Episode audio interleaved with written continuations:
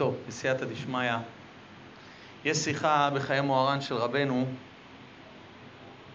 שרבנו שאל את אחד מאנשיו אם הוא רגיל לגנוח ולהתענח. להתענח זה שאדם מכניס אוויר לתוך הפה ואז מוציא אותו ככה, נשימה עמוקה, ואז מוציא. כשאדם לפעמים עובר איזה מעברים, עובר קצת בחיים קשיים, יש לו ימים ככה קשים, לפעמים אדם מתענח, ככה אוי, אוי על כל היום שלי. אז רבנו שאל את אחד מהתלמידים שלו אם הוא רגיל להתענח. והשיב לו, כן. אמר לו, כן, אני מתענח. ושאל אותו רבנו אם הוא מתענח מעומק הלב. ענה ואמר לו רבנו ז"ל, שאני עושה גניחה והנחה, אזי אם אני אוחז ידי על השולחן, אז בשעת ההנחה, אזי אפשר לי אחר כך להרים וליטול את ידי מעל השולחן. וצריך אני להמתין איזה שעה עד שחוזר בי כוחי. זה לא סתם הנחה. אומר לו רבנו שאני נאנח, אחרי זה אני צריך הרבה מאוד זמן בשביל לקום. אני מרגיש שכל הגוף שלי חלש, אני לא יכול לזוז. והוסיף שם שפעם אחת אחז רבנו ז"ל את תלמידו הגדול רבי שמואל אייזיק כנגד ליבו. רבנו החזיק לו ככה איפה שהלב שלו ואמר לו בשביל מעט דם הרי איפה נמצא יצר הרע? יצר הרע נמצא בחלל השמאלי שבלב. היצר הרע שלנו זה הדמים העכורים שלנו, זה לא המלאך הקדוש. הצדיקים הם נלחמים עם המלאך הקדוש, עם היצר הרע, המלאך הקדוש. אבל אנחנו בעצם, היצר הרע שלנו, זה הדמים העכורים שלנו. זה התאוות, המידות הרעות שלנו, הם נמצאים בחלל השמאלי שבלב. זה הדם העכור שבתוכנו. אז אומר לו רבנו, בשביל מעט דם שיש לך טיפה בחלל השמאלי, תאבד את העולם הזה ואת העולם הבא שלך? אומר לו רבנו, הרגל עצמך להתענח הרבה, עד שתזדכך מהרע שבקרבך ותזכה לבחינת וליבי חלל בקרבי. רבנו בא ואומר לרבי שמואל אייזיק ובעצם לכל אחד מאיתנו עצה. עצה שהיא נראית קצת לא מובנת. אין פה דיבור, אין פה צעקה, אין פה איזה זעקה. רבנו לא אומר לו אפילו להתבודד, רבנו לא אומר לו להתפלל, לא אומר לו עכשיו לצעוק. אומר לו רבנו מה? הרגל עצמך להתענח. הנחה.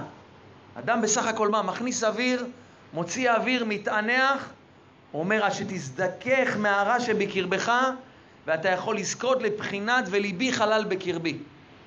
צריך להבין את העצה הזאת של רבנו. מה גודל ההנחה? גודל לקראת ההנחה של האיש היהודי. רבנו מביא בתורה ח' בליקוטי מוהר"ן רבנו אומר, הנה יקר גנוכה ונוע מאיש הישראלי. שיהודי גונח, שיהודי אומר אוי, שיהודי ככה מתענח, מכניס אוויר על התאוות שלו, על העוונות שלו, על המיעוט ההשגה שהוא מגיע. אומר רבנו, זה לא פשוט, זה לא דבר פשוט, זה דבר מאוד מאוד גדול. זה דבר שאדם, מה רבנו אומר? שאדם יכול לזכות איתו מה? לזכות איתו לדברים מאוד...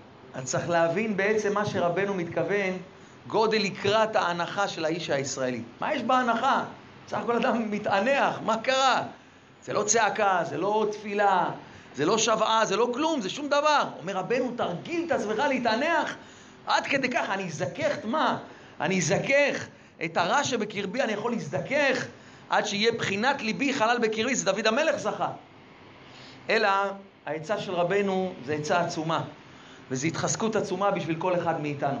צריך להבין מה בעצם מונח, הסוד שמונח מאחורי גודל ההנחה של יהודי, גודל הנחה של אדם שבעצם מתענח על המצב שלו, מתענח על העבירות שבידו, מתענח על מיעוט השגתו, מתענח על זה שהוא מה, הוא לא הצליח לעשות איזה משהו, סך הכל התענח, מה קרה? אז רבנו מסביר בתורה, בליקוטי מוהר"ן בתורה נ"ו, רבנו מסביר ככה: במצרים היה גלות מצרים. מה היה בגלות במצרים? רבנו מסביר שבמצרים הייתה הדעת בגלות. מה זה הדעת הייתה בגלות? ידוע, רבנו מסביר, שהדיבור הוא התגלות הדעת. כשאדם מדבר דברי תורה בפיו, הוא ממשיך על עצמו דעת. הדיבורים שאדם מוציא מהפה זה דעת. כשאני מדבר דברי תורה, אני ממשיך דעת. כשאדם לומד תורה הוא ממשיך דעת. כשאדם מתפלל הוא ממשיך דעת. כל דיבור של האדם שיוצא מהפה שלו הוא ממשיך בעצם דעת. אז אומר רבנו, מה הכוונה שעם ישראל היה במצרים בגלות? אז רבנו מסביר שהדיבור הוא היה בגלות. מה זה הדיבור היה בגלות? הכוונה זה לא חס ושלום שעם ישראל מה? היו חס ושלום אילמים, או שלא יכלו לפתוח את פיהם ולדבר. הם לא היו אילמים, יכלו לדבר. אלא הדיבור בגלות, הכוונה מסביר רבנו, שהאדם לא יכול לפתוח, לפתוח את הפה. אדם לא יכול להתפלל. הוא מרגיש שאין לו דיבורים. הוא בא להתבודדות, מסתכל על העצים, עצים ואבנים. טוב, תוציא איזה מילה, תגיד איזה משהו, שום דבר. חצי שעה יושב בלי לעשות כלום. לפעמים אדם בא להתפלל, אין לו דיבורים. הוא בא לקרוא תפילת שמונה עשרה, הוא מתחיל תפילת שמונה עשרה, הוא מרגיש שהוא מדקלם את התפילה. הוא מרגיש זמירות, הוא מתפלל זמירות, הוא מרגיש שהוא בסך הכל מה קורה.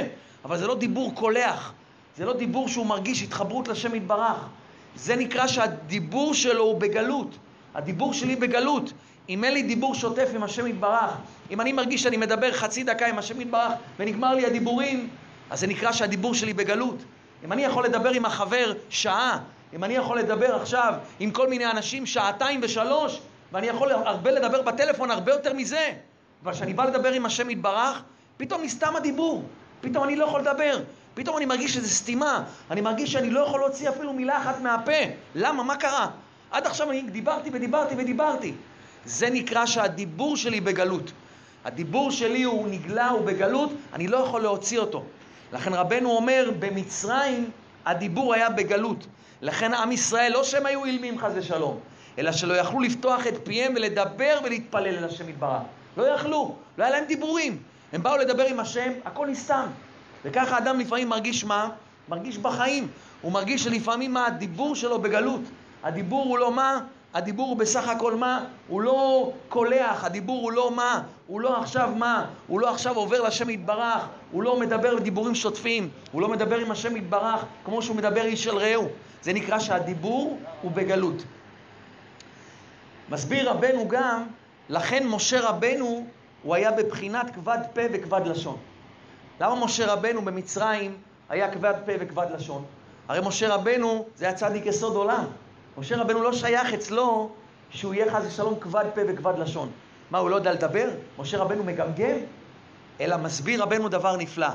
למשה רבנו היה בשורש גמגום רוחני, אבל לא באמת שלמשה רבנו היה גמגום רוחני, אלא לעם ישראל. בגלל שעם ישראל היה להם מה? היה גלות מה? היה הדת בגלות, הדיבור היה בגלות. עם ישראל לא יכל לפתוח את הפה ולדבר עם השם יתברך. לכן זה השפיע גם על משה רבנו. לכן משה רבנו מה? שעצם כוח הדיבור היה בגלות במצרים, לכן משה רבנו היה כבד פה וכבד לשון. זה השפיע על משה. כי ראיה שאחרי שעם ישראל יצא ממצרים, משה רבנו לא היה צריך את הארון. עד עכשיו במצרים משה מתעזר באהרון, הוא לא יכול לדבר. אהרון מדבר עם פרעה. כשמשה רבנו יוצאים ממצרים, פתאום הכל בסדר. פתאום משה רבנו מדבר עם השם יתברך, הוא לא צריך את עזרת אהרון. אלא מה הכוונה? שבמצרים, בגלל שהדיבור היה בגלות, עם ישראל לא יכל לדבר לשם יתברך, לכן זה השפיע על משה רבנו. ולכן אצל משה רבנו זה נהיה גמגום רוחני, שזה השורש, זה הפך להיות גמגום מעשי, שמשה רבנו היה כבד פה וכבד לשון. לכן מסביר רבנו שעיקר הדיבור שניתן באדם הוא בכדי שידבר ויתפלל אל השם יתברך. ועל ידי זה הוא יתחבר עמו יתברך. למה? למה הדיבור, יש לו כוח כזה גדול. כתוב בתורה, וייצר אדוני אלוהים את האדם, עפר מן האדמה. ויפח באפיו נשמת חיים, ויהי האדם לנפש חיה. מה זה נפש חיה? את הביטוי נפש חיה, שמציין בעצם את חייו של האדם, נפש חיה, וזה גם מציין את ייחודו של האדם על פני הדומם, צומח, החי. מה מתרגם אונקלוס? מה זה נפש חיה? אני שונה מהדומם, צומח, חי. אני שונה מזה. ויהי האדם לנפש חיה. אומר אונקלוס, מה זה נפש חיה? מה זה אצלי הנפש? אומר אונקלוס, רוח ממללה. מה זה רוח ממללה? רוח מדברת. משמעות הדבר שהנפש היא קשורה בעצם מהותה לכוח הדיבור, ודרכה היא באה לידי ביטוי. איך הנפש שלי? ויהי אדם לנפש חיה. מה זה נפש חיה? מה זה נפש? מה התרגום של נפש? רוח דיבור. נמצא שהאדם מדבר הוא נקשר לשורש. כי השם יתברך נפח באפינו נשמת חיים, הכניס לך נשמת חיים, ויהי אדם לנפש חיה. מה הוא הכניס בך בעצם? מה זה הנפש חיה הזאת? הדיבור שלך. אז זה בא מהשם יתברך, הנפש חיה שזה הדיבור, שאני מדבר, מה אני עושה? אני נדבק בשורשו. שאדם, הדיבור שיוצא מהנפש, הוא חוזר ונדבק בשורשו בשם יתברך. במצרים מה קרה? במצרים ניטל מאיתנו כוח הדיבור. מה זה כוח הדיבור? כוח התפילה. עם ישראל לא יכל לדבר. לכן כוח הדיבור, רוח ממללה, הוא הנפש חיה של האדם. במצרים הדיבור היה בגלות. אדם לפעמים הדיבור שלו בגלות, הוא מרגיש, אין לי דיבורים עם השם יתברך, אני לא יכול לדבר, אני לא יכול להגיד שום דבר. אבל מה רואים? עם ישראל במצרים, יש בפסוקים, למרות שניטל מהם כוח הדיבור, הם פנו לשם יתברך באופנים אחרים, כמו שכתוב בפסוקים. בואו נקרא כמה פסוקים. ויענכו בני ישראל מן העבודה ויזעקו. ויענכו ויזעקו. ותל שוועתם אל האלוקים מן העבודה. ואת צעקתם שמעתי מפני נוגסיו, כי ידעתי את מכאוביו. עוד פסוק, וגם אני שמעתי את נאקת בני ישראל. חמש לשונות. הנחה, זעקה, שבעה, צעקה ונאקה. זה אין פה דיבור. זה חמש לשונות, אומר הכתוב שעם ישראל דיבר עם השם יתברך. עם ישראל, הדיבור היה בגלות. עם ישראל לא יכול לדבר אל השם, הוא לא יכול לפנות לשם. לא מתפללים, לא רואים פסוק שעם ישראל, הוא דיבר עם השם, הוא התפלל. לא כתוב ויתפללו בני ישראל אל השם. לא כתוב שום פסוק. כתוב שעם ישראל לא יכל לפנות לשם יתברך על ידי דיבור, לכן אומר רבנו, חמישה לשונות כתוב בפסוקים. הנחה, זעקה, שבעה, צעקה ונאקה. שום דיבור. זה בא ללמד אותנו שגם אם האדם נמצא בשפל נורא, עד שאין ביכולתו אפילו להתפלל אל השם, הוא צריך לדעת שיש מצבים בחיים שאין דיבורים. אתה לא יכול לדבר עם השם. עובר עליך מעברים קשיים, אין לך דיבורים, אין לך כוח, אתה שבור, אתה רצוץ, אתה עובר מה שאתה עובר, בפרנסה, בבריאות, ברוחניות, בגשמיות, הכל עובר על האדם. אדם לפעמים עובר קשיים מאוד מאוד, מאוד מאוד קשיים, מאוד מאוד קשים. אומר רבנו, תדע לך, יש עצה. אתה לא יכול לדבר, יש אופן אחר, אל תתייאש. יש הנחה, אתה יכול להתענח. מספיק שתתענח, לשם יתברך. מה זה להתענח? אני מכניס אוויר, מוציא אוויר, לא דיברתי, לא צעקתי, לא אמרתי שום דבר, לא התפללתי. אומר רבנו, כן, זה גם צורה של תפילה. ההנחה שאדם מתענח לשם יתברך על הרוחניות שלו, על הגשמיות שלו, על איפה שהוא מונח, אומר רבנו, תדע לך שההנחה הזאת היא מאוד יקרה. הכלי יקר מביא על הפסוקים האלה, הוא אומר, הרי תפילה, מאיפה היא באה? תפילה היא באה מהלב. עיקר התפילה שהקדוש ברוך הוא לא עובדו בכל לבבכם, איזוהי עבודה שבלב, זו תפילה. תפילה, הרמב"ם כותב, שזה עבודה שבלב, התפילה היא באה מהלב, היא קרה מהלב. אומר הכלי יקר, מאיפה באה ההנחה? שאדם מתענח, שאדם רואה פתאום הוא פוגם בעיניים, פתאום עובר עליו מה שעובר עליו, פתאום אדם רואה איזה קשיים, איזה מעברים, אין לו כוח להתפלל, אין לו כוח לשמור עיניים, אין לו כוח ללמוד, אין לו כוח לשום דבר. אומר רבנו, מאיפה באה לו ההנחה הזאת? שהוא מתענח, זה בא לו מהלב. זה מתוך הלב. לכן אומר הכלי יקר, לפי שההנחה באה מתוך הלב, היא נחשבת כתפילה שעיקרה בלב. ההנחה, אומר רבנו, יש לה משמעות מאוד מאוד מאוד גדולה, מאוד מאוד גדולה. וזה רבנו אומר בליקוטי מוהר"ן, בתורה קט.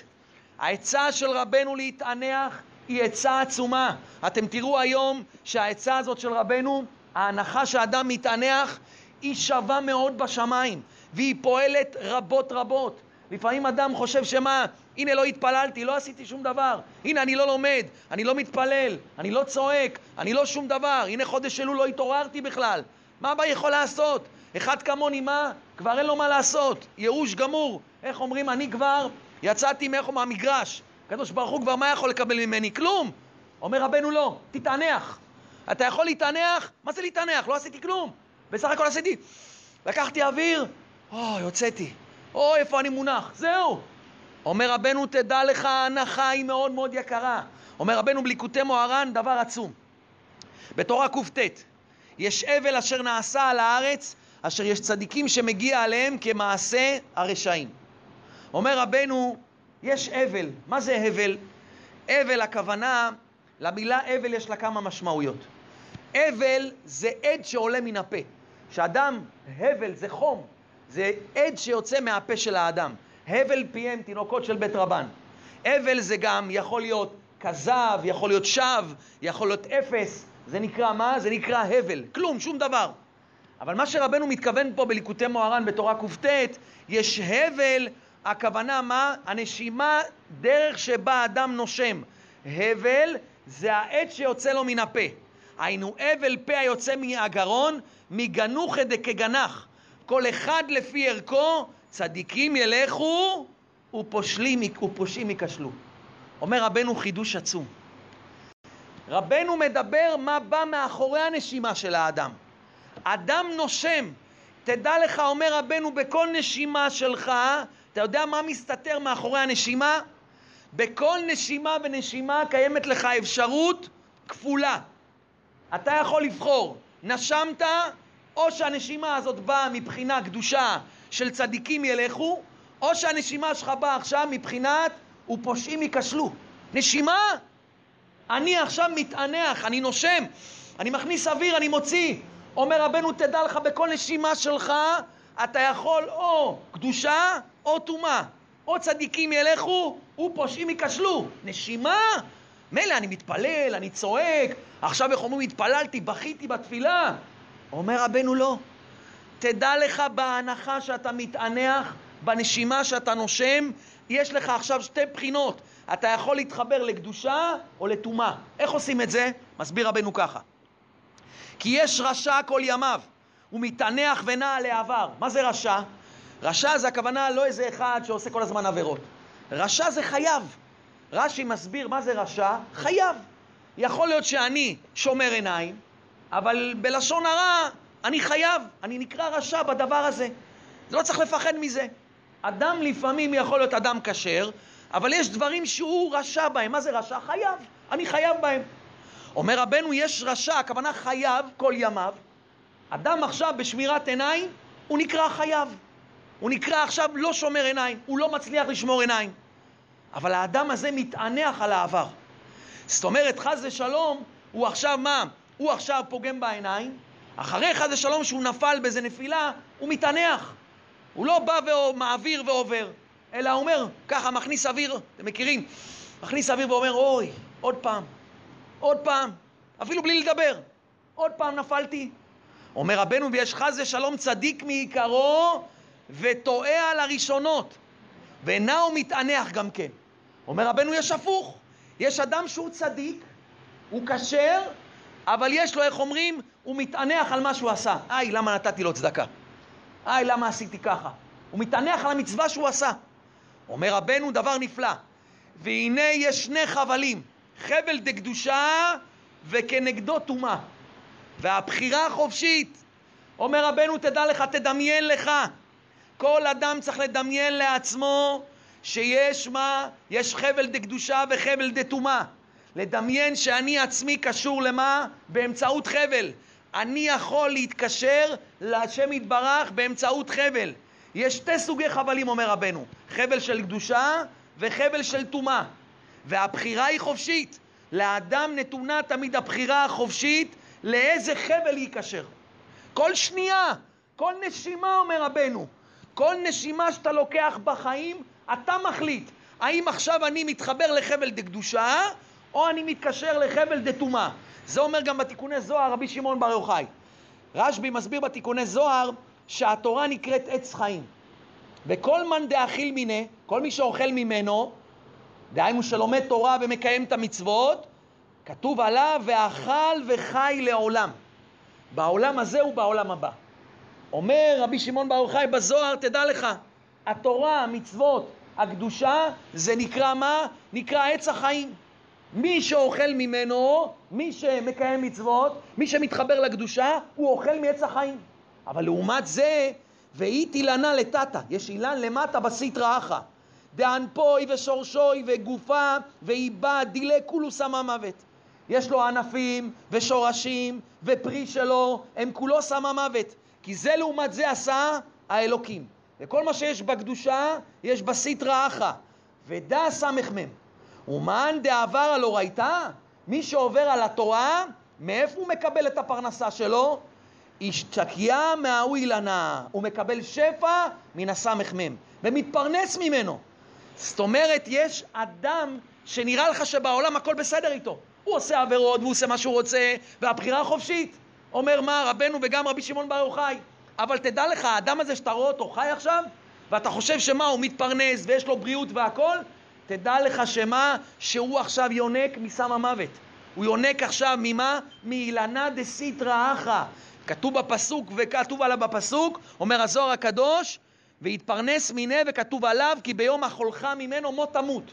כי רשעים קרויים בחייהם מתים. האדם הזה נראה לך שהוא חי, הוא מתהלך בעולם הזה, הוא מתפרנס. אתה אומר, תשמע, הוא מרוויח כל חודש 20 אלף שקל בחודש. הבן אדם בריאות, הבן אדם יש לו שפע, הבן אדם יש לו את הכל. מאיפה הוא מתפרנס? אומר רבי שמעון בר יוחאי, תדע לך, האדם הזה יש לו פרנסה מאיפה? מהסטרא אחא. כל הממון שלו זה הכל מלאכי חבלה. כל מה שהוא מתפרנס ושפע הוא לוקח מהסמ"ם. בשביל זה הוא חי, ונראה לך שהוא חי. אבל בעצם, כי ביום החולך ממנו מות תמות. בסוף הנקודה היא מה? היא תמית אותו. הנקודה הזאת בסופו של דבר היא תקטרג עליו. היא תפיל אותו בסופו של דבר. לעומת זה יש, ואכל וחי בעולם. יש אילנה דחיה, וזה מה שאומר רבנו.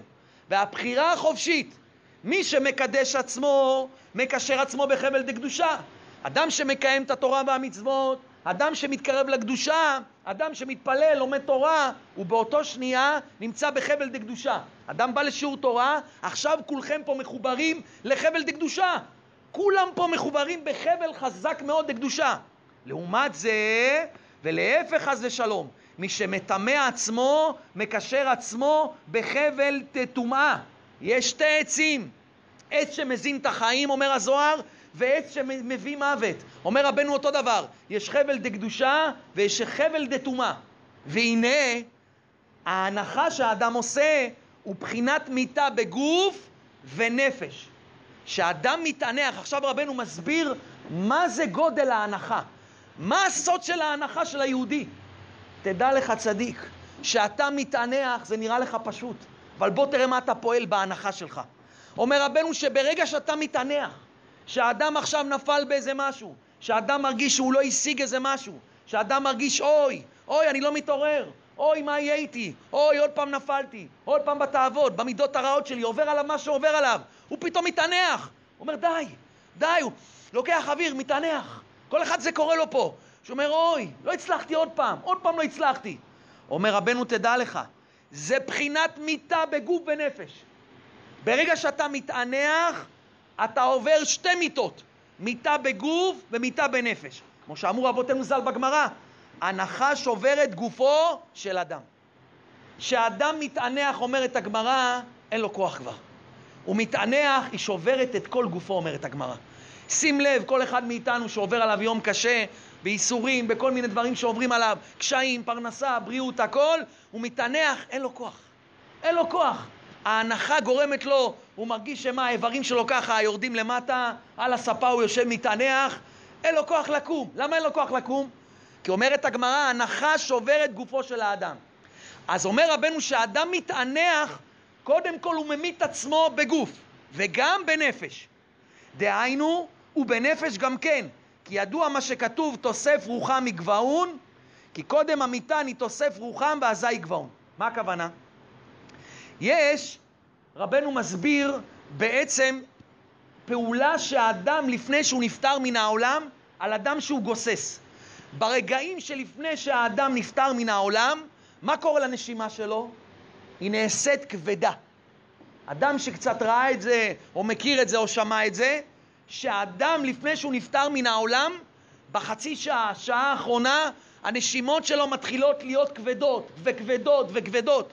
עד שאומר רבנו, הנשימה האחרונה שלו היא ארוכה במיוחד. הוא לוקח אוויר, אה, לוקח, ועד שהוא מוציא אותו, זה הרגע שהנשמה נפרדת מהגוף שלו. אומר רבנו אותו דבר, שאתה מתענח, אתה תראה שזה אותו דבר כמו תהליך הגסיסה. כמו שהאדם נפטר מן העולם, הנשימות שלו ארוכות, הוא לוקח נשימה, ואז מה הוא מוציא והנשמה שלו נפרדת מהגוף. אומר רבנו אותו דבר, היא בחינת תוסף רוחם. כשאדם נאנח, הוא מגדיל את כמות האוויר שהוא שואב פנימה, ואז שהוא נאנח, רוחו נגבד ונאספת במהירות. אותו דבר אדם שנושם את נשמתו האחרונה. הוא מאריך את זמן הנשימה שלו, רוחו מתווספת, תוסף רוחם, מלשון מה? תוסף רוחם מלשון הוספה, הוא מוסיף רוח, ואחרי זה מלשון אספה, תוסף רוחם מגבהון, ואז הנשמה נאספת. הנחה היא בחינת מעין מוות. זה ניתוק הקשר של האדם אל כוח החיים שלו. אז אומר רבנו, מי שמתענח, הוא עובר מיתה בגוף ועובר מיתה בנפש, כמו האדם שלפני שהוא נפטר מן העולם. נו, ומה זה עושה? אומר רבנו, תקשיבו טוב מה שאומר רבנו למשפט הזה.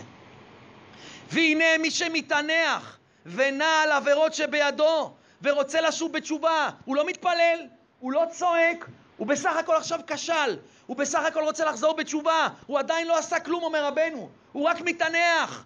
הוא ככה יושב באוטו וכבר מעביר מה? מעביר את הימים שלו, ואומר, תשמע, ריבונו של עולם, כבר אין, אין, לא מצליח שום דבר. כל דבר שאני מנסה לעשות לא מצליח, העץ הרע הכל כובש אותי. לקום לסליחות, לא קמתי. לשמור את העיניים, אני לא שומר. בקושי למדתי היום, בקושי התפללתי, לא זוכר שהתפללתי, מתפללתי, הוא מרגיש שמה? די, ריבונו שלם, אין לי כוחות. אומר רבנו, אל תתייאש, תתענח. מה קורה כשאתה מתענח? אומר, אזי בהנחה הזאת הוא נגבה ונאסף מן הרע שבו. אומר, אתה עכשיו בחבל דתומה, כשלת בעיניים, כשלת במה? בתפילה, כשלת בתורה, כשלת במידות שלך. כרגע אתה יונק מאיפה? מסיטרא ממה? מאילנה דמה? דחס ושלום דמותה. אתה עכשיו נמצא מחובר לחבל דתומה. איך אני אעבור לחבל דקדושה? אה, אני צריך עכשיו להתענות? אני צריך עכשיו להתפלל חמישים יום? אני צריך ללמוד תורה עשרים שנה? לא! אומר רבנו, רק תתענח. תעשה הנחה, תעצור הכל, תכניס אוויר, תתענח. אומר רבנו, ברגע שהתענחת, נגמר, עברת לחבל דקדושה. אתה כבר קדוש. אתה כבר מה? בבחינת לא רשע. שבת מדרכך. אה, אחרי זה יבוא בפועל, התשובה ותפילה והכל, זה יבוא. אבל תדע נשמה טובה, אתה עכשיו בחבל דקדושה. אנשים חושבים שלחזור בתשובה זה למות. לחזור בתשובה זה לקפוץ עכשיו מה? מכל בשלום. לקפוץ מעזריאלי. לעשות עכשיו מה? תעניות וסיגופים. אומר רבנו לא, נשמה טובה. אני יודע מה עובר לך בלב. אני יודע מה אתה עובר. אני יודע מה היצר הרע עושה לך. נשמה טובה, רק תתענח. תן הנחה חזקה. תן הנחה של כל מה שהיצר הרע עשה לך. תוציא, תתענח. תכניס אוויר. תוציא מהלב, תוציא ותכניס. אומר רבנו, תדע לך. וזה הוא נקבע ונאסף מן הרע שהיה בידו. אדם יכול להיות קשור לאחד משני מקורות החיים, קדושה או טומאה. שהוא נאנח ומתחרט על מעשיו הרעים, ההנחה שלו שוברת את גופו ואת נפשו, הוא כמו מי שמת ומתנתק ממקור חיותו, החבל של טומאה, נשמה טובה בנשימה הבאה, אתה נושם אוויר ממקור חדש. אתה כבר נמצא מה? בחבל דקדושה. וזו הנחה בודדת של תשובה. רק התענחת, לא עשית כלום, עוד לא הטחת לעשות כלום, לא הצלחת, לא התחלת אפילו. אומר רבנו, נשמה טובה, תדע לך, בהנחה בודדת של תשובה, תראו מה זה כוח התשובה, מה זה רחמי השם. אתה חושב שצריך להפוך את העולם עכשיו, לא נשמה טובה, רק תתענח. בהנחה שאתה מתענח מהלב על הריבוי מה? על העוונות שלך, על המיעוט ההשגה שלך. יש לה כוח להפריד אדם מכל טומאותיו ולחבר אותו אל הקדושה. הוא כמו אדם חדש. הוא נושם ממקור שונה וקדוש. לכן בהנחה הזאת הוא שב בתשובה. מה זה שב? חוזר. אתה שב הביתה, אתה חוזר. אדם שעושה הנחה, אתה בשנייה אחת מתנתק. היית עכשיו רשע, היית עכשיו בחבל דתומה, באילנת דמותה, מסמ"ם, היית בלוע בתוכו. אומר רבנו, בשנייה אני מעביר אותך. בשנייה נשמה טובה, תאמין בזה, רק תתענח. קח אוויר, קח אוויר, תתענח, תתענח שעוד פעם כשלת, תתענח שאתה לא, מה, אתה לא מצליח לעשות תשובה. נשמה טובה, תאמין, עכשיו אתה בחבל דקדושה. ברגע שתאמין בזה, אתה תקבל שמחה. קבל שמחה, תתחיל לנוע. תתחיל לנוע, ייפתח לך הפה. הדיבור שלך מהגלות יצא.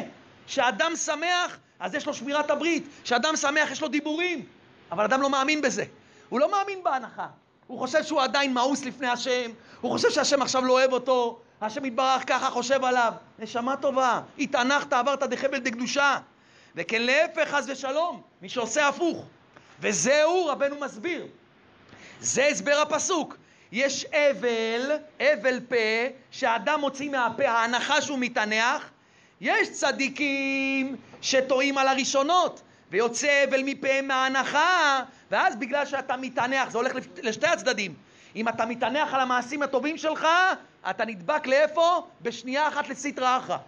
אבל יש רשעים, הכוונה חייבים, שאדם כשל, שאדם מרגיש שהוא מה? הוא מונח איפה שהוא מונח, ונאנח, ומהאבל שיוצא מפיהם, מגיע עליהם כמעשה הצדיקים. אומר רבנו, כי נפסקים מהטומאה ונדבקים אל הקדושה, והכלל כי את זה לעומת זה, וצריך להיות לו חיות מחבל מאחד שבשניהם. ותכף שהוא נפסק מחבל זה, הוא נדבק בחבל שכנגדו. תראו מה זה הנחה של יהודי. הנחה של יהודי! כמה השם הוא טוב! כמה השם רחמן! כמה השם אוהב אותנו! כמה השם מחכה שתעשה תשובה! מה זה תשובה נשמה טובה? תתחיל להתענח. לכן רמרנו אמר, על כן טוב להרגיל את עצמו להתענח על מעשיו שאינם טובים. הדיבור שלך בגלות, קשה לך להתפלל, אתה מונח איפה שאתה מונח עכשיו, אתה יכול לתת הנחה? תיתן הנחה. אומר רבנו ולכסוף ולהשתוקק בתוקף הנחתו. הרי מה ההנחה היא מסמלת? היא מסמלת את השברון לב שלי. היא מסמלת את מה? שאני משתוקק ואני כוסף לשוב לשם יתברך. כי על ידי ההנחה הזאת, נשמה טובה, אתה נפסק מחבל דתומה ונתקשר בחבל דקדושה. תראו מה זה גודל לקראת הנחת מה שרבנו אמר האיש הישראלי. הנחה. מה זה תשובה? תתחיל להתענח. לכן רבנו אמר לתלמיד שלו, הרגל עצמך להתענח. אם אתה תתענח, מה קורה באותו שנייה? אתה מתחיל להתחבר לחבל דקדושה, ואז מה קורה? ליבי חלל בקרבי. אתה מתחיל להזדכך, זה מתחיל לגרד טיפה. כל הנחה מגרדת עוד טיפה. עוד טיפה, עוד טיפה יצר הרע. מגרדת עוד קצת דם עכור, עוד טיפה דם עכור. קצת היצר הרע שבחלל השמאלי, עוד טיפה, עוד טיפה, עוד הנחה, עוד הנחה, עוד שובר את גופו. נשמתו, נפש של האדם, עוד שנייה, עוד הנחה, אומר רבנו, תדע לך, אתה עובר מחבל דתומה לחבל דקדושה. יותר מזה אומר רבנו, תקשיבו טוב. הוא מבואר שם בביאור יותר, מגודל מעלת תקרת ההנחה דקדושה. כי מבואר שם. תקשיבו מה זה רחמי השם. שההנחה שמענח האדם על עוונותיו, אומר רבנו, לא רק שההנחה הזאת קושרת אותך בחבל דקדושה, שאתה מתענח על העוונות שלך, או אפילו על מיעוט השגתך. לפעמים אדם לא הספיק את הדף גמרא, לפעמים אדם לא הספיק את מה שהוא רצה ללמוד. זה לא עבירה, אבל זה נקרא מיעוט השגה. אדם אומר, ככה, לוקח אוויר, מתענח, איי, לא הספקתי. איי, לא הספקתי, לא הצלחתי, חבל. זה הנחה של מה? על מיעוט השגה. אומר רבנו הקדוש, תקשיבו טוב, שההנחה שמענח האדם על עוונותיו, או על מיעוט השגתו, הוא יותר טוב מכמה סיגופים ותעניות. מפחיד. יש פה בן אדם עכשיו מצד ימין שהתענה חמישים יום. תעניות, חמישים יום התענה. מישהו יכול להתענות חמישים יום, איפה אנחנו ואיפה תעניות? מסגף את עצמו, תעניות, סיגופים. מה תגידו על הבן אדם הזה? אה, זה תשובה. זה עשה תשובה. לעומת זה יש אדם מצד ימין שמתענח.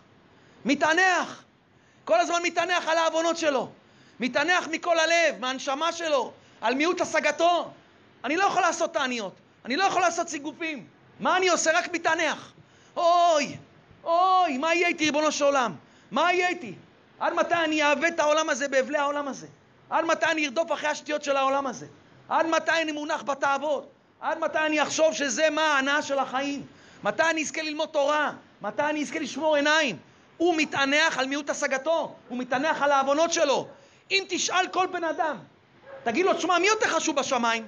זה שעכשיו התענה פה 40-50 יום, או זה שעכשיו מתענח? זה התענס, סיגופים, תעניות. כל העולם יגיד לך שזה שעשה סיגופים ותעניות הוא הרבה יותר חשוב. אומר רבנו נשמה טובה, זה פה בארץ, עלמא דשיקרא. בעולם האמת, אצל השם יתברך, זה שהתענח הוא יותר חשוב מסיגופים ותעניות. לכן הרבנו אמר, בלי סיגופים ותעניות. אין יותר סיגופים ותעניות. תאמין, אבל אתה חייב להאמין. אם לא תאמין זה לא יפעל. אם לא תאמין זה לא יפעל. אתה רוצה עבודות קשות? לך תתענה, לך תסתגף. לך תתחיל לעשות תעניות, שובבים, תעניות ב', ה', ב', תתחיל לעשות תעניות. יש יהודי שמה מתענח, אבל באמת הוא מתענח. כואב לו, כואב לו איפה שהוא מונח. הוא לא יכול, מה יצרה כבר כבש אותו, הוא לא מסוגל לצאת ממנו. די, ריבונו שלם, כמה אני יכול? די, הוא מתענח על העוונות שלו. תדע לך, הפעולה שפעל זה שצם 40 יום, והפעולה שאתה פעלת על עצמך, הרבה יותר גבוהה מזה. אומר רבנו, מסביר למה. כי בתענית, מה זה תענית? שהאדם מתענה, למה מתענים? בזמנם, לפני כמה מאות שנים, היו מתענים, הארי הקדוש הביא תעניות. היו צדיקים מתענים, דוד המלך התענה. עד שבא הבעל שם טוב ורבנו, הפסיקו את התעניות. גילו את ההתבודדות. גילו את מה? את העצות האלה הפשוטות. הביאו לנו תיקונים קלים. הביאו לנו דברים אחרים, ועוד מעט אני אסביר לכם מה השורש של זה. למה זה יותר מועיל מיותר מסיגופים ותעניות. אבל מה נקודת השורש של תעניות? כל מי שהתענה לפני כמה מאות שנים, כל העניין של תענית זה שבירת הגוף. אני מתענה כי אני רוצה לשבור את הגוף הזה. הגוף הזה כל הזמן רוצה אוכל, כל הזמן רוצה לישון, כל הזמן רוצה תאוות ניאוף, אני חייב לשבור אותו. איך שוברים אותו? פעם, על ידי מה? על ידי תעניות.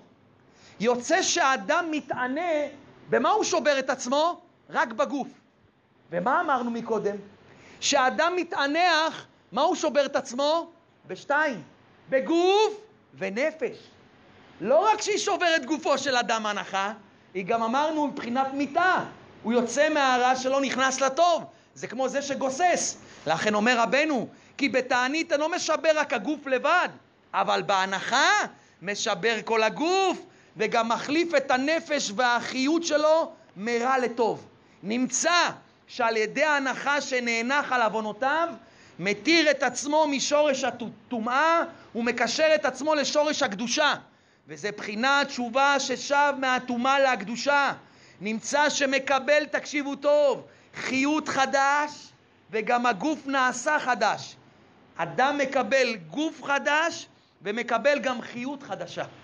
תראו מה זה ההנחה של יהודי. הנחה, התענחת. התענחת על העוונות שלך. בסך הכל לקחת אוויר ואמרת, אוי, מה יהיה איתי? עד מתי, ריבונו של עולם? עד מתי השמירת עיניים? עד מתי אני אכשל, ריבונו של עולם? זכה אותי לשמור עיניים. התענחת על זה מכל הלב. זה מה שהכלי יקר אמר, זה בא מהלב. זה כמו תפילה מהלב. תדע לך שבאותו שנייה התענית, עשית סיגופים, הכל נחשב לך. זה לא רק בשמיים נחשב לך תשובה, זה פעל עליך גם. אדם שצם 40 יום זה פועל עליו. אם אתה התענחת 40 יום זה יותר פועל עליך. אבל אדם צריך מה? צריך להאמין בזה. ומאיפה זה בא הנקודה הזאת? איך יכול להיות שהאדם מתענח הוא יותר חשוב מהאדם שמה? שמסגף את עצמו? מאשר אדם שמה? שמתענה? אלא תדעו לכם, רבנו גילה סוד אדיר, וזה רבי נתן אומר בליקוטי הלכות. רבנו גילה סוד אדיר שאני הולך לגלות לכם אותו. מה השם רוצה ממך? איך יכול להיות שההנחה היא יותר טובה מתענית? יש אדם מסכן, לא אכל כל היום, לא אכל שום דבר, כלום. אתה אכלת, שתית, מה בסך הכל עשית? מתענח. אתה מתענח לי על העוונות שלך. אתה רוצה להגיד לי שיותר חשוב ממנו מהסיגופים והתעניות? כן. מה הסוד בזה? אחד הצדיקים יום אחד שאלו אותו, מה יותר חשוב, דבר גדול או דבר שהוא שלם, הוא תם? שאלו אותו, מה יותר חשוב? דבר שהוא גדול או דבר שהוא אפילו קטן, אבל הוא שלם, הוא תם? הצדיק הזה ענה להם דבר כזה. הוא אמר להם דבר שהוא קטן, הוא יותר טוב מדבר, הוא שלם, הוא יותר טוב מדבר שהוא מה? שהוא גדול, אבל הוא לא שלם. מה הכוונה? הוא הסביר להם. עכשיו, בהלכה, יש הלכה בשולחן ערוך. אני עושה עכשיו חלה. חלה שהיא כמה? עשר מטר. מכירים בתיש? עושים לפעמים חלות? ענקיות, חמש מטר, עשר מטר. החלה הזאת היא ענקית. והחלה הזאת היא חתוכה. חתכו בה כמה פרוסות. ויש לי לחמניה בגודל כזית, עגולה קטנה. זה עשר מטר, וזה לחמניה קטנה עגולה שלמה. מה מברכים המוצי? על הגדול או על השלם? על התם? כתוב בשולחן ערוך שאדם לא מברך על הגדול, הוא מברך על השלם. למה? כי השלם הזה הוא קטן, אבל הוא תם, הוא שלם. בא רבי נתן ומסביר, ותזכרו את זה כל החיים. יש דבר שהוא גדול, אבל הוא לא בא מהלב. הוא לא בא מאומקא דליבה. אתה יכול להתענות עשרים שנה, אבל זה לא מזיז לך בלב, זה לא בא מהלב. יש דבר קטן, אבל הוא בא מהלב לשם יתברך, הוא לשם שמיים. יש דבר שאדם עושה אותו, הוא גדול, אבל הוא לא לשם שמיים. יש דבר שאדם עושה אותו קטן, והוא לשם שמיים, בשמיים היה יותר חשוב, הקטן, ולשם שמיים. אומר רבי נתן בדור האחרון, השם רוצה לב, הוא לא רוצה גודל נשמה טובה, הוא רוצה את הלב שלך. עדיף לו שמה, לא תתענה ותהיה בעל גאווה, תחשוב שאתה עכשיו בבא סאלי, תחשוב שאתה מתענה לי כל יום, איזה גאווה אתה מקבל. אתה עושה את העניות, מסתכלים עליך כבר, אומרים, אה, זה צדיק, זה צדיק, זה צדיק. איך הבעל שם טוב פעם סיפר? היה אחד שהיה הולך למקווה, היה צדיק גדול, והיה ככה יושב בפינה, כל פעם שהיו עוברים לידו, היו אומרים, מה? אתה יודע, זה צדיק, זה צדיק, זה צדיק. היו אומרים עליו, זה צדיק, זה צדיק. הוא אומר, יום אחד הפסיקו להגיד את זה. הוא אומר, האדם מת, נפטר מן העולם. אומר הבעל שם טוב, כל החיות שלו היה מהדיבורים האלה. הוא יכול מה? להתענות בסיגופים, אבל כל זה בא לו איזה מנקודה של מה? של גאווה. זה מגדיל לו את הגאווה, זה מגדיל לו את האני שלו. אבל יש אדם בסך הכל מה? לחמניה קטנה.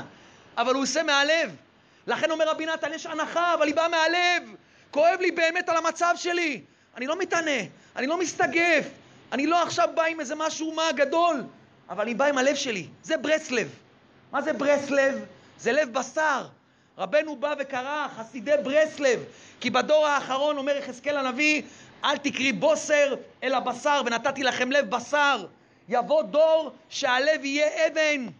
אדם ילמד תורה עם לב של אבן, יתפלל עם לב של אבן, יעשה מצוות עם לב של אבן, יברך עם לב של אבן, זה הדור שלנו, אתם רואים את זה. הכל לב של אבן, אתה לא מרגיש כלום. חודש אלול אתה לא מרגיש כלום, שום דבר אתה לא מרגיש, דגים שבים, לא דגים שבים, איזה לא הרגשות, לא כלום. אומר רבי נתן, יבוא דור, שמה, שהכל יהיה אבן. בא רבנו ואמר, ברס לב, ונתתי לכם לב בשר. השם יתברך רוצה מה? הוא רוצה את הלב שלך. שיהיה קטן, אבל יהיה עם לב. וזה אומר רבי נתן בליקוטי הלכות, סוד עשירית היפה. מה זה עשירית היפה? אדם שבא להקריב קורבן, הוא יכול להקריב כל מיני קורבנות. הוא יכול להקריב פר, איל, כבש, הוא יכול להקריב אפילו שני בני עונה או תור, אבל יש אדם עני שהוא בסך הכל מה בא? עם עשירית העפה, קמח, שעורים, הוא בא עם מה? עם כוס קטן חד פעמי של קמח. לקח קמח בשלושה שקלים, שם בתוך כוס, הוא בא לבית המקדש מה? עם חתיכת עשירית העפה. שום דבר. איך אומרים, הוא בא לבית המקדש, הוא מחביא את זה מתחת החליפה שלא יראו. יש אחד בא פר, עם פר, בא עם איל, בא עם כבש. אומר המדרש, רבי נתן אומר, ואל אלוקינו כי ירבה לסלוח, אומר המדרש, אמר רב זעירא על פסוק ואל אלוקינו כי ירבה לסלוח, אף הקדוש ברוך הוא ויתר לנו סליחה אחת משלו, הקדוש ברוך הוא נתן לנו סליחה אחת מהבנק שלו. סליחה אחת מאיפה שאף אחד לא מכיר את הסליחה שם. ואיך קוראים לסליחה הזאת? עשירית האפה. אומר רבי נתן לא מובן. עשירית האפה. מה זה עשירית האפה הזו? אך אומר רבי נתן, תקשיבו טוב, זה עצה לכל החיים. זה משהו שתיקחו אותו לכל החיים, ותדעו לכם, זה יהפוך לכם את כל החיים. אך העניין הוא, כי עיקר תיקון התשובה, מה זה עיקר תיקון התשובה? גאווה? עיקר תיקון התשובה זה אני אראה את עצמי, זה אני מתענה, אני עושה. ובבחינת קורבן מנחה שהוא קורבן עני ודל בדלי דלות, דהיינו שיבטל גאוותו לגמרי וידע שפלותו באמת. וכל ידיעת והרגשת שפלותו וקטנותו וקלקוליו ופגמיו המרובים מאוד לא יהיו לרעה. אני יודע איפה אני מונח, ריבונו של עולם. אני יודע שבחודש אלול בקושי אני מה? בקושי סליחות, לבכות בכלל איפה אני בוכה. ריבונו שלם, אני יודע מה אני בתאוות, אני יודע איפה אני במעשים, אני יודע איפה אני בלימוד התורה, אני לא כל כך לשמה, אני מכיר את המעשים שלי, אני מכיר איפה אני מונח. אומר רבי נתן שזה יביא לך שפלות, אבל לא לרעה. זה לא עצבות, הפוך. השפלות גורמת לי שמחה. אני קטן, ריבונו של עולם, אין לי כלום. יש לי בסך הכל עשירית העפה. יש לי בסך הכל מה? כוס של קמח, אומר רבי נתן. רק לטובה ייקח את זה, שלא יתרחק חס ושלום יותר על שיכיר שפלותו בקלקוליו. רק יפתח בחסדי השם וריברו רחמיו העצומים מאוד, שיש תקווה גם אליו, שיכולים לזכות להתקרב לשם יתברך מכל מקום שהוא, על ידי בחינת קורבן עני שהוא מנחה. שאף על פי שאין החוטא יכול להביא פר ועיל וכבש. נכון, אני בא לבית המקדש, אני לא בא עם פר, אני לא בא עם עיל, אני לא בא עם כבש, אני לא בא לשם יתברך עם כל הש"ס, אני לא בא לשם יתברך עם כל חודש אלול מלא, אני לא בא לשם יתברך עם כל התורה וכל המצוות, אני בסך הכל אפילו עופות ותורים ובני יונה אני לא יכול להביא לשם יתברך. אף על פי כן מצא לו השם יתברך תקנה ברחמיו המרובים שיביא על כל פנים עשירית העפה קמח. נשמה טובה, מה אתה יכול להביא? עשירית העפה קמח, תביא אותה. אתה יכול להביא הנחה, אבל אמיתית, בשפלות, תביא אותה. עוד מעט תראו שזה יותר גדול מפר ועיל וכבש. ובזה גילה לנו רמז, שרחמיו לא קלים לעולם, שאפילו אם אין האדם יכול לשוב בתשובה כראוי לפי מעשיו, ומסגפים ומטענים כמו בעלי התשובה הקדמונים, אני יודע שאני לא כמו בעלי תשובה הקדמונים. אני יודע שאני לא יכול להרים ראש לפני השם יתברך. אני יודע שאין לי מה להגיד לשם יתברך, אני יודע איפה אני מונח. אני יודע את שפלותי במעמדי. אני יודע שאני רחוק רחוק מתשובה אמיתית. אבל אף על פי כן אני במה? אני בענווה. מה שאני יכול לעשות אני אעשה. אף על פי כן חלילה חלילה למנוע חס ושלום מחמת זה תשובה. מחמת זה אני לא אעשה תשובה? אני לא יכול להביא פר, אני לא יכול להביא עי למקדש, אני לא יכול להביא כבש, ולא יכול להביא גם מה? יונה או בני תורים או כלום, אני לא יכול להביא שום דבר. מה אני יכול להביא? להביא מה? כוס של קמח. מה, איזה בושה. אני אבוא לבית המקדש עם כוס של קמח? אומר רבי נתן כן. אתה יכול להביא הנחה? זה הכוס של קמח? אתה יכול להתענח על המעשים שלך? תתענח רק. אומר רבי נתן, כי גם נקודה טובה אחת של בחינת תשובה יקר מאוד בעיני השם יתברך. והעיקר, אומר רבי נתן, כמו שהפליגו רבותינו ז"ל, שזה בחינת עשירית העפה, שיקר מאוד בעיני השם יתברך, קורבן מנחת אני, כמו שאמרו רבותינו ז"ל על פסוק, ונפש כי תקריב קורבן מנחה. איך כתוב? ונפש כי תקריב. לא כתוב והאדם כי יקריב. כשאדם בא לבית המקדש עם פר ועיל וכבש, הוא בא עם האני שלו. בואו תראו מה הבאתי, פר, עיל, כבש, עלה לי כמה אלפי שקלים. כשאדם בא לשם יתברך עם כל הש"ס, עם כל המצוות, עם שהכל הולך לו כסדר, הוא בא צדיק, אז האדם כזה בא בתור אדם.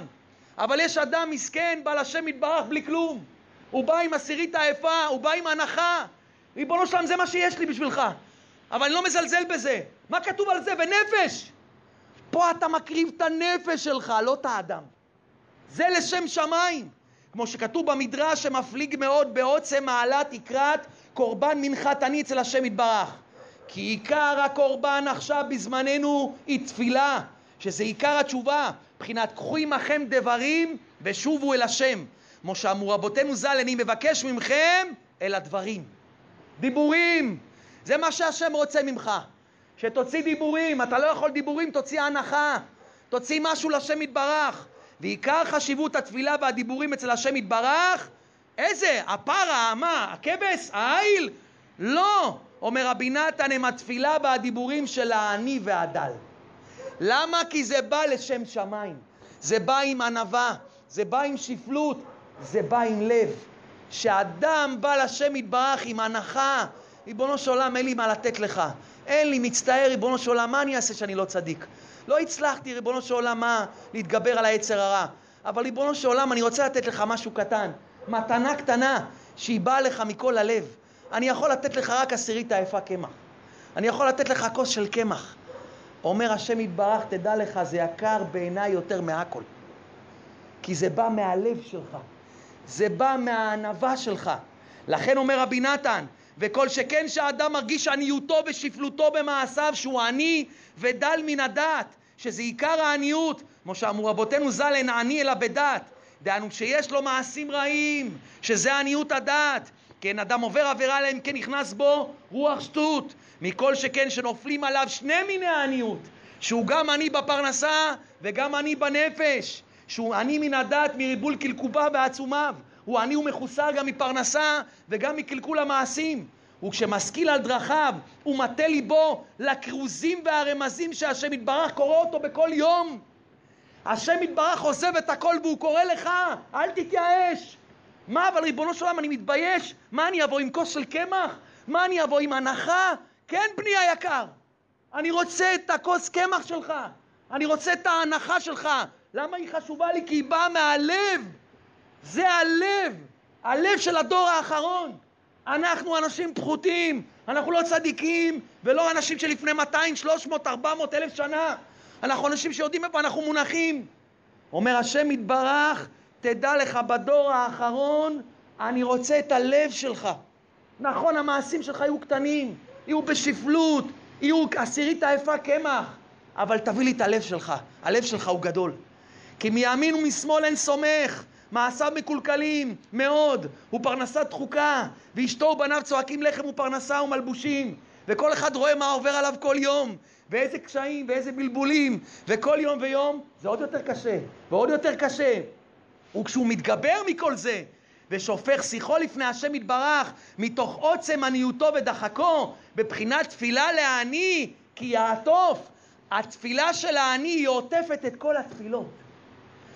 עשירית האפה קמח היא עולה על כל הפר והעיל והכבש, כי היא באה מהלב שלך, שזה בחינת קורבן עני, בחינת עשירית האפה שבאה בדלי דלות. זה יקר מאוד מאוד אצל השם יתברך, כמו שכתוב, כי לא בזה ולא שיקע צנות עני. אני לא מבזה את עשירית האפה שלך, אני לא מבזה את ההנחה שלך, הפוך. אני מזיז את כל הפר והעיל. איפה, איפה? איפה הבן שלי?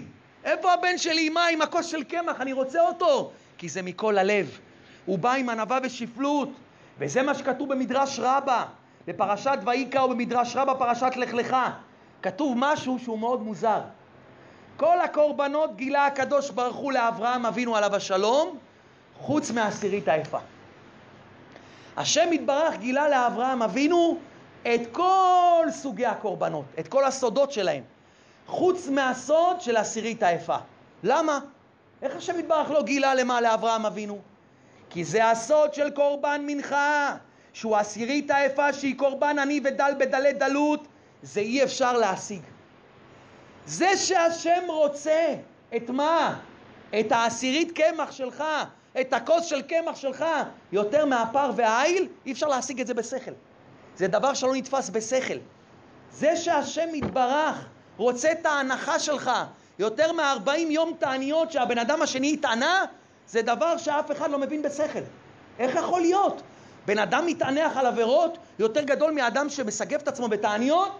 אומר רבי נתן, לכן השם יתברך לא גילה את זה אפילו לאברהם אבינו, זה רמז. זה הכל ברמז, זה סוד. זה דבר שמה? שלא יכול להתגלות. זה דבר שהשכל, זה מעל השכל. למה אומר רבי נתן? וזה אי אפשר להשיג מחמת שהגאולה האחרונה תלויה בזה. כל הגאולה האחרונה במה תלויה? באנשים כמונו, שהם בדלי דלות, הם בשפלות. אם הם יתחזקו ולא יתביישו ויביאו את העשירית היפה קמח שלהם, אומר רבי נתן, יבוא הגאולה. מה? עשירית היפה לא בפר, בעיל והכבש לא. אם אתה תתענח לפני השם, זה תלוי הגאולה. הלב הזה שתיתן להשם, הקורבן העני הזה, אומר רבי נתן, מחמת שהגאולה האחרונה תלויה בזה, כי בזה תלוי עיקר תיקון התשובה, לבלי לייאש עצמו אפילו בדלי דלי דלות. אני בדלי דלות, אני יודע איפה אני מונח, אבל אני אוהב את השם. אני אוהב את השם, ולא משנה ריבונו של עולם, גם אם אני לא צדיק, גם אני לא יכול להביא לך מתנה יפה. גם אני יודע שאני לא אביא לך דברים נפלאים. ואני יודע שזה קצת בושה לבוא עם מה? לבוא עם הכוס של קמח. אבל ריבונו שלם, אני מביא לך את זה מכל הלב. אומר רבי נתן, תדע לך, זה סוד הגאולה האחרונה. אף על פי כן יתגבר עצמו במה שיוכל, שהיא בחינת עשירית היפה, שהיא בחינת קורבן עני. דהיינו שתשובתו היא בקטנות, התשובה שלי בקטנות. וכמו שאמרו רז"ל, שלמדו מזה שגם מעט העבודה והתפילה של הקטנים והנמוכים, בחינת עניים ודלים, יקר אצל השם יתברך. למה ראיה? כי אומר רבי נתן ראיה. בתורה כתוב אחרי שהעשיר הביא פר, קורבן בהמה, ריח, כתוב מה? ריח ניחוח. אישר ריח ניחוח לשם. גם בעוף כתוב אישר ריח ניחוח לשם. אומר רבי נתן, גם בעני שהביא את מה? עשירית היפה שהביא את הכוס של הקמח, כתוב מה? אישר ריח ניחוח. זה אותו ריח ניחוח. זה הקטנצ'יק הזה שהביא מה? הביא עשירית היפה קמח? הביא כוס של קמח? תדע לך, הוא אותו ריח ניחוח, ואפילו יותר מאשר זה שהביא פר. ועל כן זה הסוד לא נתגלה אפילו לאברהם אבינו עליו השלום. כי אפשר לגלות, זה הסוד. אי אפשר להגיד לאדם את הדיבורים האלה. זה דבר שצריך להתנוצץ אליך. אתה צריך תמימות ופשיטות. כי רחמיו לא קלים. כל אחד צריך להבין מדעתו. כי רחמי השם יתברך לא קלים. השם יתברך הרחמים שלו, כמה שאתה חושב שהשם רחמן, עוד לא התחלת בכלל את ההתחלה, כמה שהשם רחמן באמת. אתם לא מבינים כמה השם אוהב אתכם. אתם לא מבינים כמה השם מרחם על הדור האחרון. כמה השם יתברך מבין את מה שאתם עוברים. לכן אל תזלזלו בדברים הקטנים שלכם. בעשירית היפה הקטנה שלכם אל תזלזלו. אתם יכולים להביא לשם הנחה, תביאו לו הנחה. אתם יכולים להביא לו מזמור תהילים אחד, פסוק אחד, תביאו לו, אל תתביישו. השם יתברך לוקח את זה, רק תעשו את זה מכל הלב. תשמחו, ריבונו של עולם, נכון. כל היום עבדתי, מה אני אעשה? פרנסה כבדה ויש לי חובות במשכנתה ואני כבר 12 שעות על ההגה. ריבונו של עולם, באתי לערבית, בקושי הגעתי לערבית, הגעתי ככה באמצע, ריבונו של עולם, אני יכול לתת לך איזה הנחה קטנה, איזה השם שפתיי אחד קטן. אל, אומר רבי נתן, אל תזלזל, בזה תלוי הגאולה. זה סוד עשירית היפה, זה לא התגלה לאברהם אבינו, שזה בחינת מה שהשם יתברך. שולח בסוף הדורות צדיקים שהם בחינת התנוצצות משיח, זה רבנו. התנוצצות משיח שמגלים לנו את הדעת הזאת. בכתבי הארי ז"ל הרבה מאוד כמובא בזה, כי עיקר זה העניין לגלות ולהודיע עוצד, עוצם החסד הזה, שיכולים להתקן אפילו על ידי בחינת עשירית היפה, זה מתגלה רק בכל דור ודור על ידי הצדיקים הגדולים שממשיכים מהתנוצצות משיח, שהוא בחינת דוד. דוד המלך, מה אמר תמיד על עצמו? ואני עני ואביון. מה כתוב על משיח? עני ורוכב על חמור, וחסו בו על עמני דל. דוד המלך ידע הוא בחינת רוח משיח, הוא ידע שעיקר אצל השם יתברך זה אני עני, תפילה לעני. דוד המלך היה מלך והיה צדיק, אבל כשהוא התפלל לפני השם יתברך, מה הוא אמר? לעני, תפילה לעני, אני ריבונו שלם אני עני. כי הוא ידע את הסוד הזה, הוא ידע את הסוד של סוד עשירית היפה. ועל כן אומר רבי נתן, מובן הדבר הזה כי אפשר לגלות בפירוש עד היכן רחמיו וריבוי סליחתו מגיע. אי אפשר לדעת. מסופר על רבי אלימלך מליזנסק ורבי זושה, היו האחים הקדושים, היו צדיקים יסוד עולם, היו אחים קדושים וטהורים. היה להם, אף אחד לא יודע, אבל היה להם אח שלישי. אח שלישי, שהתחילו לחקור אחריו ורצו לדעת מי הוא. אמרו, לא יכול להיות שהאחים הקדושים, יש להם אח שהוא בן אדם פשוט. בטוח יש לו מה? יש לו איזו בחינה מסוימת. התחילו מה לראות, לברר איפה הוא גר, עד שמצאו איפה שהוא גר.